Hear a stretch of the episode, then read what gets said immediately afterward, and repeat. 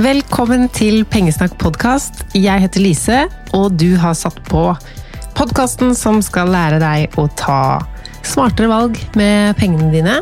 I dag skal det handle om sparing og de viktigste grunnene til at jeg har spart mye penger.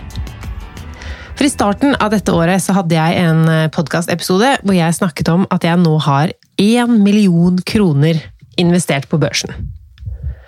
Og ca. 700 000 av dem er penger som jeg har satt inn, og ca. 300 000 er avkastning. Og etter den episoden så fikk jeg mange tilbakemeldinger. Det var mange av dere som fikk lyst til å begynne å investere i aksjefond etter å ha hørt den. Det er gøy, men husk på to ting. Hvis du er ny investor For det første, det jeg snakker om, og det jeg driver med, det er investering.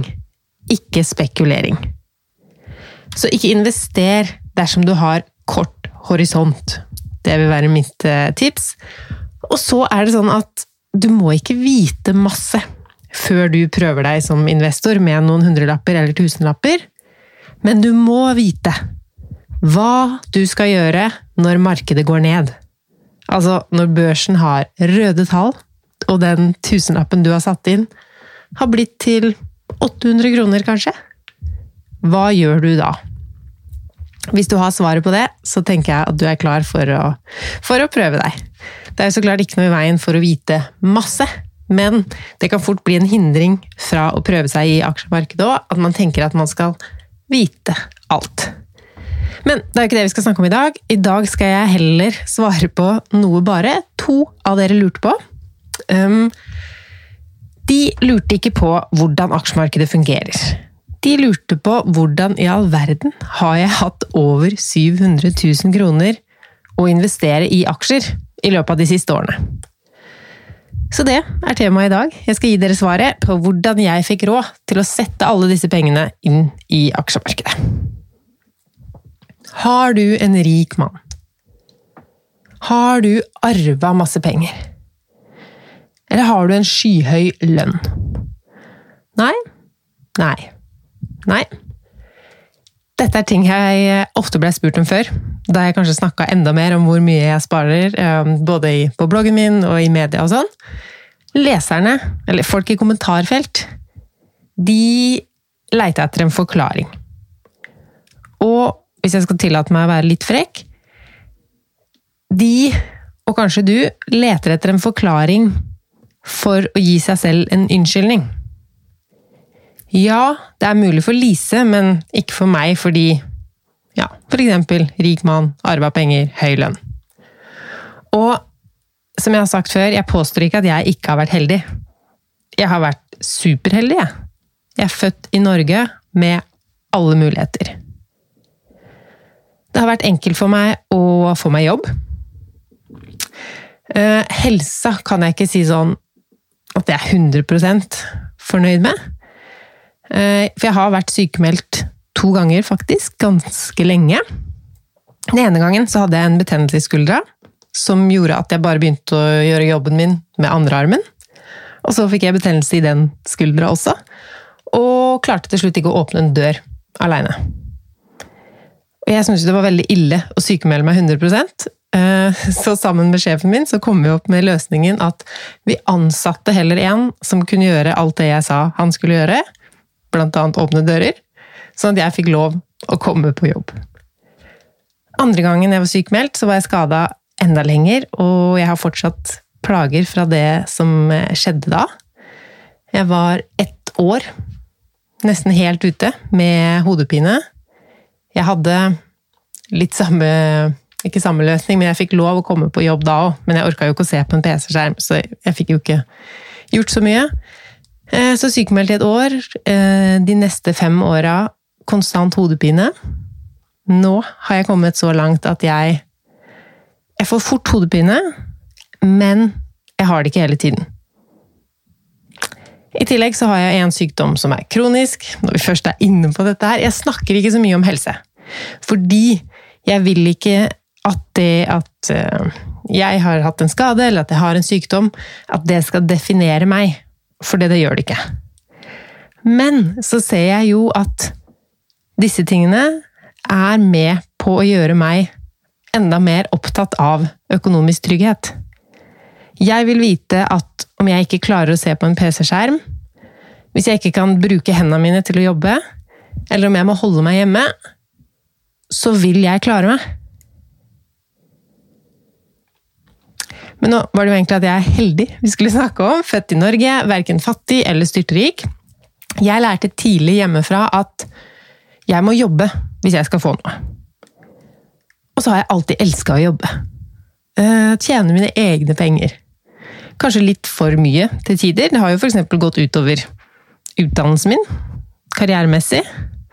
Eller, jeg fikk jo med meg det viktigste. Jeg bare likte bedre å jobbe enn å lese til eksamen og sånn. Og så ville jeg jo være med på det som var gøy òg. Så studiene ble litt nedprioritert. Men jeg har jo fått de jobbene jeg har villet ha, så det har jo på en måte gått greit. Så jeg vil si at punkt nummer én er å like å jobbe.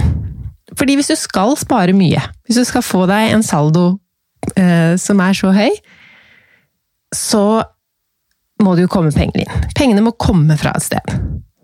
Jeg har jobba fast fra jeg begynte på videregående.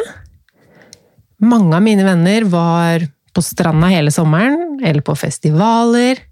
Jeg jobba. Jeg jobba i butikk, jeg jobba på fryselager, jeg jobba på sjokoladefabrikk. Jeg hadde det helt topp. Jeg ville aldri bytta.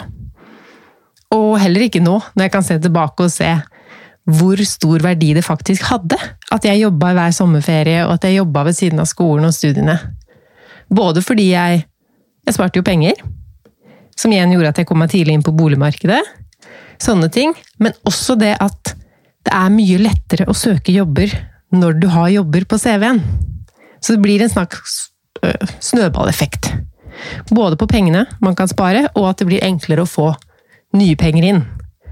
Så er du ung, eller har barn som begynner å komme i den alderen at det er mulig å begynne å jobbe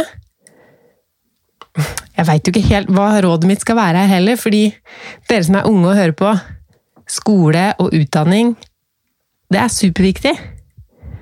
Men så må jeg også være ærlig og si at for min del Jeg har jo en mastergrad, men jobbinga har gitt meg så mye mer. Det jeg jobber med nå, det har jeg jo ikke tatt noe utdannelse for. Men jeg er jo glad jeg har en utdannelse, og det ga meg jo muligheten til den jobben jeg hadde i Tine, f.eks. Um, så ja, hva blir egentlig rådet? Hvis du skal spare opp mye penger, så må pengene komme fra et sted. Du må jobbe mye, og da er det en fordel å like å jobbe. Finn ulike måter å tjene penger på. Og spesielt når du er ung, så må du ikke tenke at eh, hvis jeg skal ha en jobb ved siden av studiene, så må det være relevant.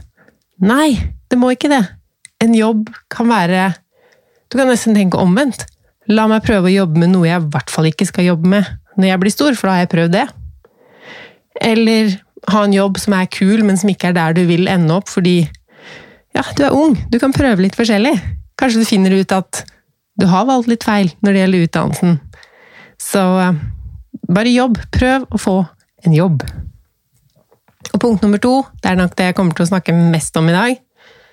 Unngå livsstilsinflasjon. Det er så viktig. Å unngå livsstilsinflasjon. Jeg snakket om det i den aller, aller første episoden av Pengesnakk podkast, faktisk. Hva det er? Det er at forbruket vårt kryper, eller hopper, oppover med en gang vi får mer penger mellom hendene. Og det skjer med oss uten at vi merker det. Så Det er det som er veldig rart med livsstilsinflasjon. At vi gjør jo ikke noe aktivt for å få livet vårt til å bli dyrere og dyrere og dyrere. Vi må gjøre noe aktivt hvis vi vil forhindre at det skjer. Og hvis vi skal spare mye, så må vi, helt eller til en viss grad, forhindre at det skjer. Og det første trikset for å unngå livsstilsinflasjon, eller å unngå at det fortsatt skjer, det er å legge en plan for nye penger som kommer inn. Hvis du bytter jobb og går opp i lønn, eller du går fra 80% stilling til en full stilling Dette er tidspunktet for å sette opp et automatisk sparetrekk med det beløpet du tjener mer, eller øke det trekket du allerede har. Gjør i hvert fall noe aktivt med de pengene. Eller så blir det som før, og sånn som det er for de fleste. Hvis det kommer mer penger inn, så går det mer penger ut. For min del så var jeg kanskje litt heldig her òg. Det er to år av livet mitt som var avgjørende for at jeg skulle unngå livsstilsinflasjon. Nå må jeg bare tenke på om det egentlig er helt sant. For jeg var jo ikke sånn som brukte opp alle pengene mine mens jeg studerte heller. Det er jo en ganske stor fordel i Altså, fordelen med å jobbe mye er jo at da får man ikke så mye tid til å bruke. Men så hadde jeg alltid nok når jeg ville bruke. Jeg reiste, jeg var med på det jeg ville. Shoppa ikke så mye, da. Jeg bodde i Ås, så det var ikke akkurat fashion capital. Det var en skobutikk der. Eh, men de avgjørende årene skjedde etterpå. 2010 jeg flytter til Tyskland. Og der tjente jeg 260 euro i måneden. Det er ca. 2500 kroner. I mange av de månedene jeg bodde der, så gikk jeg på språkkurs, og det kosta 200 euro, tror jeg. Heldigvis så bodde jeg gratis. Først som au pair. Da jobba jeg som au pair for å få kost og losji. Eh, og senere så hadde jeg en vertsfamilie når jeg jobba som eh, praktikant på et bryggeri. Jeg hadde jo en bankkonto i Norge. Det var en stor sikkerhet i det. Det har jeg snakka om mange ganger. Det er forskjell på å leve for lite penger frivillig og det å måtte klare seg på den samme summen. Eh, og mens jeg bodde i Tyskland, så tenkte jeg på det sånn at jeg hadde min tyske økonomi i euro, og så var de norske kronene egentlig off limits. Så de tyske pengene, eller de euroene jeg hadde, de fikk jeg til å strekke veldig langt. Jeg flytta jo ned med en koffert, og savna ikke klær. Så kanskje det var der jeg egentlig forsto at kapselgarderobe er min greie, og at det går veldig fint å klare seg med færre plagg enn man tror. Nå hadde jeg jo ingen kostnader, annet enn det språkkurset, og ja, så lenge jeg hadde råd til en pretzel eller til å være med på litt sosialt, så var det nok. Jeg brukte lite penger det året. Og så kom året etter. Da jeg flytta tilbake til Norge, fikk meg sommerjobb, og den sommerjobben ble etter hvert til et helt år med full jobb. Jeg hadde ikke høy lønn, men det var første gang jeg hadde en 100% stilling. Så for meg tjente jeg jo nå masse penger. På fritida så fikk jeg meg en fleksibel deltidsjobb. Jeg begynte å selge Tupperware, de plastboksene.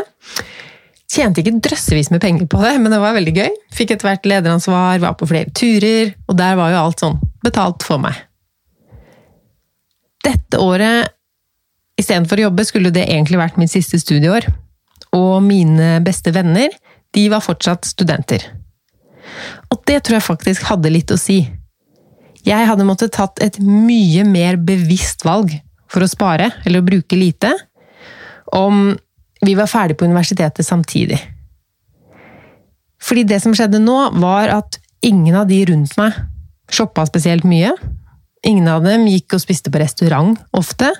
De foreslo ikke å dra på dyre venninneturer. For de var jo fortsatt studenter, ikke sant? Og selv om jeg hadde ordentlig lønn, så begynte jeg ikke å bruke mer penger sånn i hverdagen. Jeg visste jo også at jeg skulle bli student igjen året etter, så derfor føltes det jo dumt å skru opp forbruket. Og på hva, egentlig? Det året før, i Tyskland, hadde jo vist meg at jeg trenger ikke å kjøpe mye for å ha det bra.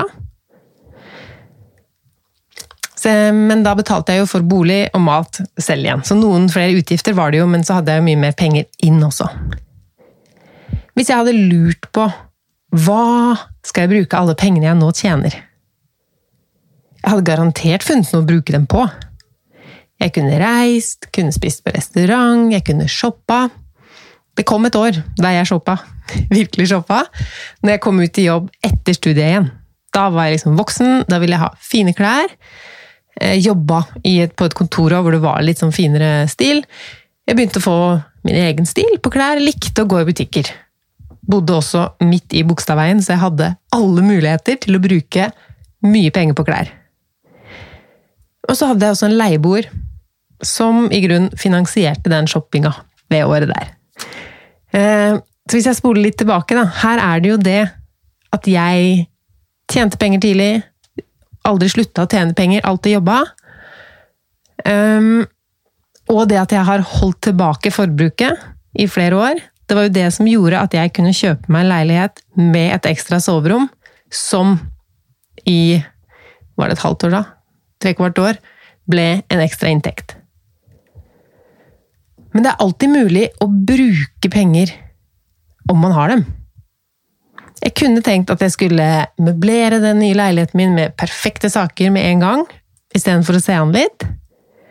I første omgang tok jeg med meg heller møblene jeg hadde, så litt hva jeg kunne kjøpe brukt. Det er uendelig med ting å bruke penger på, hvis man lurer på det. Um, poenget er, følg med når du får mer penger mellom hendene. Skal du finne noe å bruke dem på? Eller skal du la være? Hvis du var fornøyd med hvordan du levde uten de pengene, så fortsett med det, da. Så er det jo sånn at de første summene er kanskje de vanskeligste å spare. Men så etter hvert så begynner pengene dine å hjelpe deg til å spare mer. Så derfor er det med livsstilsinflasjon så viktig. Hvis du skal spare mye, så må du holde på eh, et litt mer eh, lavkostnadsliv. Og det betyr jo ikke at du må leve som en evig student. Det går jo an å um, øke forbruket på noen ting. Men det jeg vil du skal passe deg for, er at det bare blir dyrere og dyrere uten at du har gjort et aktivt valg om å kjøpe dyrere ting eller å gjøre ting som koster mer. Altså, ikke bruk penger bare fordi du har dem. Fordi penger kan gjøre mye mer for deg enn å brukes på kortvarige lykketing nå. Og det her er jo også grunnen til at jeg fokuserer så mye på sparing i mine kanaler. Sparing på de minste ting. Ja, av og til så snakker jeg om å sjekke om du har bra nok rente på huslån, vi snakker om forsikringer, pensjon. Litt om å tjene mer, ikke veldig mye. Fordi det er ikke noe poeng i å tjene mer hvis du ikke merker at du tjener mer.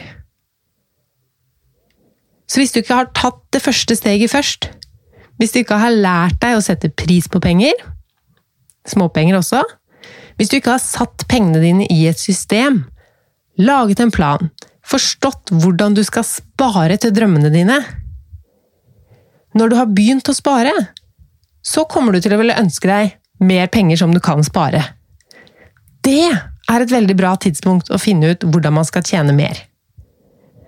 For min mening er om du først fokuserer på å få mer inn i pengesekken, uten at du har lappa de hulla i bunnen av sekken, så har det ikke så mye for seg. Det var et godt bilde. Jeg liker også å reparere ting som går i stykker. Men du får ikke noe med ut av de nye pengene dine hvis du ikke først har funnet ut hva du egentlig vil at pengene dine skal gjøre for deg. Tjener du mye, bruker du mye. I de aller fleste tilfeller. Men forbruket vårt og inntekten vår, hva har det egentlig med hverandre å gjøre? Hvis du har funnet et liv du har lyst til å leve, og har, altså forbruket i det livet er på et visst nivå, så trenger ikke inntekten din egentlig å virke inn på det.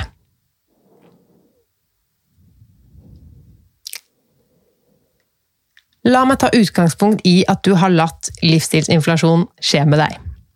Som med de aller fleste.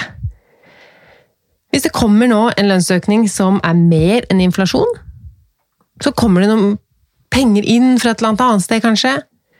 Da merker du ikke at livskvaliteten din økes. Men du merker heller ikke at du blir rikere. Men allikevel så bruker du bare mer. Og så Altså, livsstilsinflasjon det ender litt i sin egen felle, fordi når man først bruker mer, så koster det mer penger også. Altså et stort, dyrt hus. Det har jeg. Det koster mer i løpende kostnader enn en leilighet. Det er ikke smart.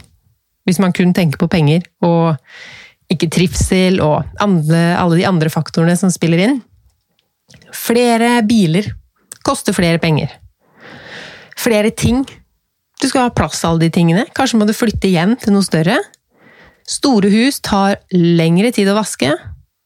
Kanskje må leie inn noen for å ha tid til å jobbe selv.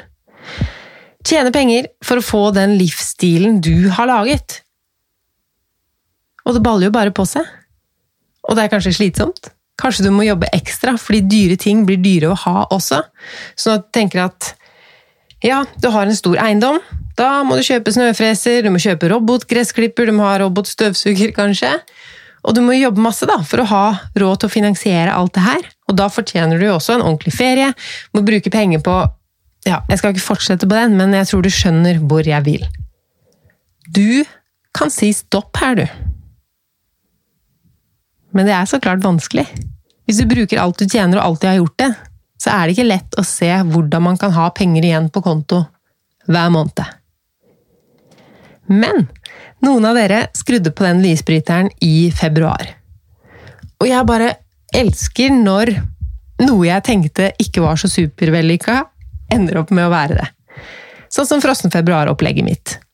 De to første ukene Jeg merka ikke forskjell fra en vanlig måned og til frossen februar. På slutten her så endte jeg opp med å kjøpe fire unødvendige ting. Ja, man kan så klart diskutere hva som er unødvendig. Det at vi dro og sto på slalåm, var en av de tinga. Og mange mente at det var verdt det. Og jeg er helt enig, det var verdt det. Men det var ikke et nødvendig innkjøp, sånn som challengen var at vi skulle holde oss til. En måned med frossen februar, det var liksom Ja ja, det var den challengen. Merka ikke noe særlig til det. Men så kom tilbakemeldingene fra dere som eh, hadde meldt dere på, eller sa at dere ville gjøre dette her sammen med meg. Og jeg begynte faktisk å grine av noen av dem. For dere har jo ikke, som meg, en slags konstant shoppestopp. Jeg har aldri tenkt på at jeg har det, men jeg kjøper jo bare nødvendige ting. Eller ting som jeg liker så godt at jeg bare skal ha dem, uansett og gledelig ville brutt en hvilken som helst shoppestopps regler for. Og sånn har jeg det alltid. Så det var jo ikke så rart at jeg ikke merka forskjell. Men det gjorde jo dere. Dere superflinke damer og menn som tok den utfordringen på strak arm og virkelig kutta all unødvendig forbruk. Og også dere som var med litt sånn halvveis. For da har jeg fått flere meldinger av dere som ja, tenkte egentlig ikke at jeg var med, men blei med på det der med å tømme fryseren, eller litt ubevisst så begynte jeg å tenke litt uh, over alle kjøpa. Og dere overraska jo dere selv med å finne ut at det var penger på konto når ny lønn kom inn. Så mange av de meldingene her fikk jeg langt inn i mars, på neste lønningsdag, at bare wow! Det har aldri skjedd før. Fy søren, så deilig. Og det må jo være deilig bare det å kunne vise seg selv at det går jo! Her har man tenkt at jeg har ikke penger å spare, for jeg går i null hver måned. Og så prøver man, og så klarer man det på én måned. Det er noe med den vanen å bruke penger hele tida som er så vanlig at vi nesten ikke tenker over alternativet. Og alternativet er jo da å ikke bruke. Å la være å kjøpe å gå forbi et skilt hvor det står salg, og ikke klikke hjem pakker fra internett. Og alle av dere som har sendt meg melding, så har jeg spurt var det vanskelig? Og nesten alle sier nei, det var faktisk lett. Så la oss kalle det ting nummer tre, selv om det spant litt ut av det med livsstilsinflasjon. Én ting er å unngå livsstilsinflasjon fra start, noe annet er å resette litt. Ta noen uker uten forbruk. Det vil gi deg innsikt i hva det er du setter skikkelig pris på. Og hva det ikke gjør deg noen ting å droppe. Og så viser du deg selv da, at du er rågod på å spare når du vil. Og så kan du fortsette med en mellomting. Du trenger ikke å ha shoppestopp resten av livet, men start med å bli Start med liksom mer bevisste avgjørelser rundt hva du skal kjøpe. La den pengebruken din reflektere hva du liker, hva du er opptatt av, hvem du vil støtte, hva du vil gjøre. Ikke la pengebruken din vise fram et liv som skjer uten at du aktivt er med og styrer det. Så hvordan jeg har hatt råd til å investere 700 000 kroner de siste seks årene, ved siden av eh, huskjøp, to barn, bryllup, bilen kjøpte vi kontant, det er de tingene her. Hva var det første? Jo, det må komme penger inn. Like å jobbe. Like å tjene penger. Og den kommer jeg ikke til å ville ha som nummer én, pga. det med pengesekken og de hullene, vet du. Jeg kommer til å lage et blogginnlegg med disse tre hva skal vi kalle det, hovedingrediensene i et spareliv. Kanskje jeg kommer på flere enn de tre òg. Jeg tror dette er topp tre. Mm, tjene penger. Unngå livsstilsinflasjon. Du kan sjekke ut bloggen allerede nå, for selv om jeg ikke har skrevet den da når jeg spiller inn dette her i forrige uke, så har jeg fått lagt den ut nå. Og det siste var jo å ta en måned med en slags frossen februar, eller shoppestopp, eller hva nå du vil. Den eh, frossen februar-siden ligger fortsatt på pengesnakk.no frossen. Så kan du ta en frossen april, eller frossen oktober, eller hva du vil. Eller bare begynn rett på mellomtingen.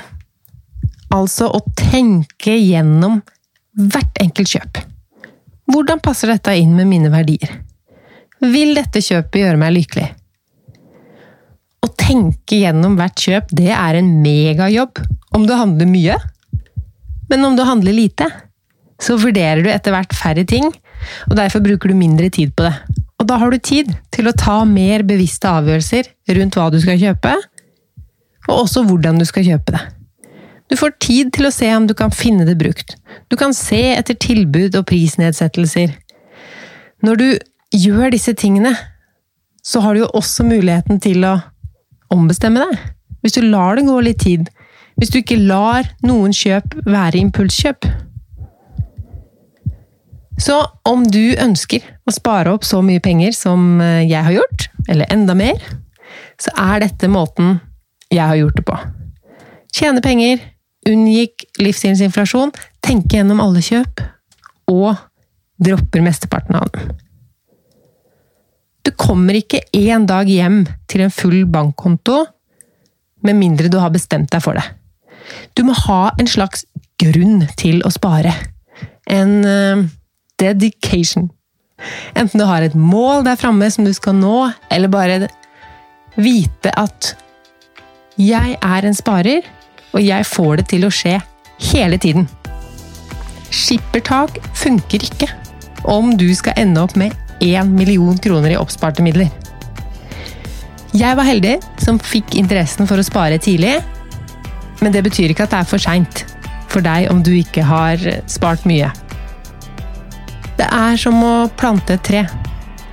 Det hadde vært best å gjøre det for 20 år siden, hvis du har lyst til å ligge i skyggen av det i dag. Men den nest beste dagen å starte på, det er i dag.